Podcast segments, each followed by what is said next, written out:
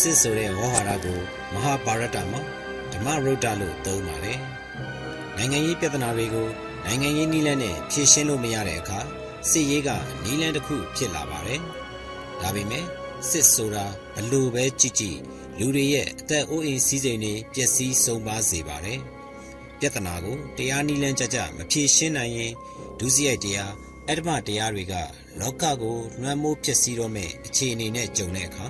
စစ်ရေးနည်းလမ်းကို necessary evil အနေနဲ့ရွေးချရပါတယ်။ဒါကိုပဲတရားသောစစ်လို့သုံးနှုံးကြပါတယ်။တကယ်တော့ဗုဒ္ဓဘာသာမှာတရားသောစစ်ဆိုတဲ့အယူဆ just war theory မရှိပါဘူး။ဒါပေမဲ့ပါရမီဖြည့်ချင်နေတဲ့အလောင်းတော်တွေဘဝမှာစစ်တိုက်ရတာမျိုးတွေရှိပါတယ်။မဟာဇနကမင်းကသူရထိုက်တဲ့ထီနံကိုပြန်တက်ယူဖို့အတွက် fund ရှာဖို့အတွက်ပင်လယ်ခီးထွက်ပြီးကုန်ကူးခဲ့တယ်။ မောတထာကလည်းမိမိတို့ထက်အင်အားတာလုံးနဲ့ဇူလနီပြမရမင်းကို war strategy တွေဆွဲပြီးတိုက်ခဲ့တယ်။စစ်ဟာအကုသို့အမှုသာဖြစ်ရင်အလောင်းတော်တွေကဘာကြောင့်စစ်ရေးနီလန်းရွေးချယ်ခဲ့ကြသလဲ။စစ်ကိုလွှဲရှောင်လို့ရသမျှလွှဲရှောင်ပါတယ်။ရှောင်လဲလို့မရဘဲစစ်ရေးနီးကိုရွေးချယ်ရတဲ့အခါမှာလေရန်သူကိုတက်ဖြတ်ချေမှုန်းဖို့ဆိုတဲ့ရည်ရွယ်ချက်မျိုးမထားပဲတတ္တဝါတွေကို ဆင်းရဲဒုက္ခကနေလွတ်မြောက်စေဖို့ဆိုတဲ့ရည်ရွယ်ထားပါတယ်တတ္တဝါတွေကိုတနာကျင်လာတဲ့ကရုဏာနဲ့ဆင်းရဲကနေလွတ်မြောက်အောင်စွမ်းဆောင်နိုင်တဲ့ပညာတို့ကိုအထွတ်တင်ပြီးအထီးကအနည်းဆုံး view ဟာကိုသုံးပါတယ်နိုင်ရတဲ့အခါမှာလဲရန်သူကိုညှင်းဆဲတက်ဖြတ်ခြင်းမျိုးမပြုဘဲတစ္ဆာခံစီပြီးလွတ်ပေးတယ်ဒါမှမဟုတ်ထိုက်တဲ့အပြစ်ဒဏ်ကိုသာပေးတယ်အနောက်တိုင်းက just war theory သဘောအရပြောရရင် တရားသောစစ်ဆိုတာ၃ပိုင်းရှိပါတယ်။နိုင်ငံရေးတန်တမန်ရေးနည်းလမ်းတွေနဲ့ဖြည့်ရှင်းလို့မရနိုင်တော့ပဲပြည်သူတွေရဲ့အသက်အိုးအိမ်စီးစိမ်နဲ့ပြည်သူတွေရဲ့လူအခွင့်အရေးကိုကာကွယ်စောင့်ရှောက်ပေးဖို့လိုအပ်လာတဲ့အခါမှာစစ်ရေးနည်းလမ်းကိုရွေးချယ်တာကို just cause တရားမျှတတဲ့အကြောင်းရင်းလို့ခေါ်ပါတယ်။ဗုဒ္ဓဘာသာစာပေတွေက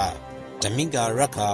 ဝရဏဂௌတိဆိုတာဒီကနေ့ခေတ်မှာအာတူပီလို့ခေါ်နေကြတဲ့ပြည်သူတွေရဲ့အခွင့်အရေးကို တရားနီလန်းကြကြကာကွယ်စောင့်ရှောက်ပေးလုံခြုံပေးရတဲ့တာဝန်ပါပဲတရားတော်စေလို့ပြောနိုင်မှုအတွက်တရားမျှတတဲ့အကြောင်းရင်းဖြစ်ယုံသားမကတရားမျှတတဲ့စစ်ရေးကျင့်ဝတ်ဖြစ်တဲ့ just contact တွေကိုလည်းလိုက်နာရပါတယ်တိုက်ပွဲမှာမပါတဲ့သူတွေကိုတိုက်ခိုက်မှုမလုပ်ရဘူးအင်အားအလွန်အကျွံမသုံးရဘူးရက်သားတွေထိခိုက်နစ်နာမှုအ ਨੇ ဆုံးဖြစ်အောင်တတိထားရတယ်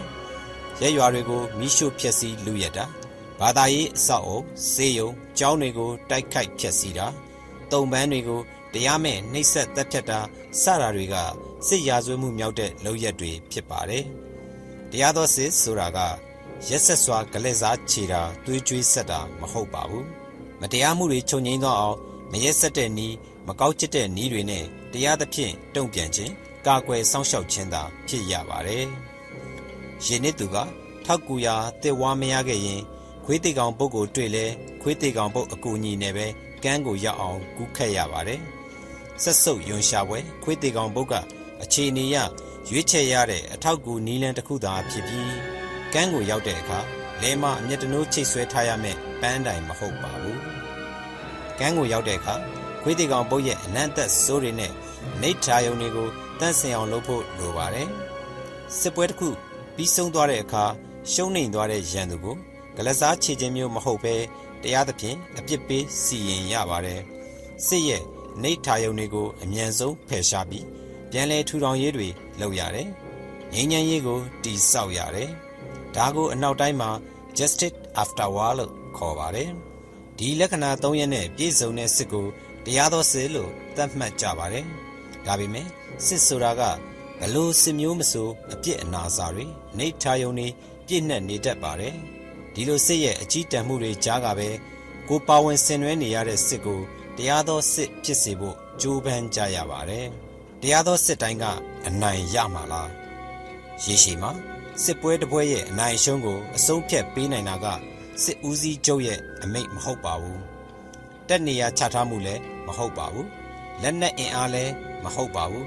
တက်သားအကြအဆုံးလည်းမဟုတ်ပါဘူးတက်ရဲ့စိတ်သက် Spirit of the Army ပါလို့ Tolstoy ရဲ့စစ်နဲ့ငြိမ်းချမ်းရေးမှာဆိုထားပါတယ်။ American တွေ Vietnam စစ်ပွဲမှာရှုံးနေခဲ့တာကဒါဟာတရားသောစစ်ပွဲမဟုတ်ဘူးလို့မေရိကန်ပြည်သူတွေကို၌ကယုံကြည်ဆန့်ကျင်ကြတဲ့အတွက်တက်ရဲ့စိတ်သက်ပြက်ပြားနေတာ BNN တွေကတရားသောခုခံစစ်အဖြစ်လက်ခံယုံကြည်ပြီးဇွဲတက်တိကောင်းကောင်းစိတ်သက်ခိုင်ခိုင်မာမာနဲ့ရင်ဆိုင်နိုင်ခဲ့ကြတာတွေကြောင့်ဖြစ်ပါတယ်စိတ်သက်ပြက်ရင်တက်ပြက်ပါတယ် ဗုဒ္ဓစာပေတွေမှာတော့ရန်အောင်မြင်နိုင်တဲ့စိတ်သက်ရဲ့အရေးအသွေးတွေကိုတစ္ဆာဓမ္မဒိဋ္ဌိစာကလို့ပြထားပါတယ်ဖြောက်မှတ်မှန်ကန်ခြင်းမှန်တရားကိုမျက်နှိုးခြင်းတစ္ဆာအကြောက်တရားမုန်းတရားတွေကိုသတိပညာနဲ့ထိန်းချုပ်နိုင်ခြင်းစီကံရှိခြင်းဓမ္မကောက်ရိုးမိလို့မဟုတ်ပဲမလျှော့သောဇွဲလုံးလားနဲ့အဆက်မပြတ်အားထုတ်ခြင်းတာဝန်ကျေပွန်ခြင်းဒိဋ္ဌိ ဥစ္စာအသက်ကိုမငဲ့ကွက်ပဲဆွန့်လွတ်ခြင်းစာကဆိုတဲ့တစ္ဆာတရား၄ပါးနဲ့ပြည့်စုံညီညွတ်နေရင်ရန်ကိုအောင်မြင်နိုင်ပါတယ်ပြည်သူအများစုယွံမုန်းတဲ့အဲ့ဓမဝါဒကြဆုံးမှာပါတရားသောစစ်ကအောင်မြင်မှာပါလို့ရေးသားထားပါတယ်ခင်ဗျာ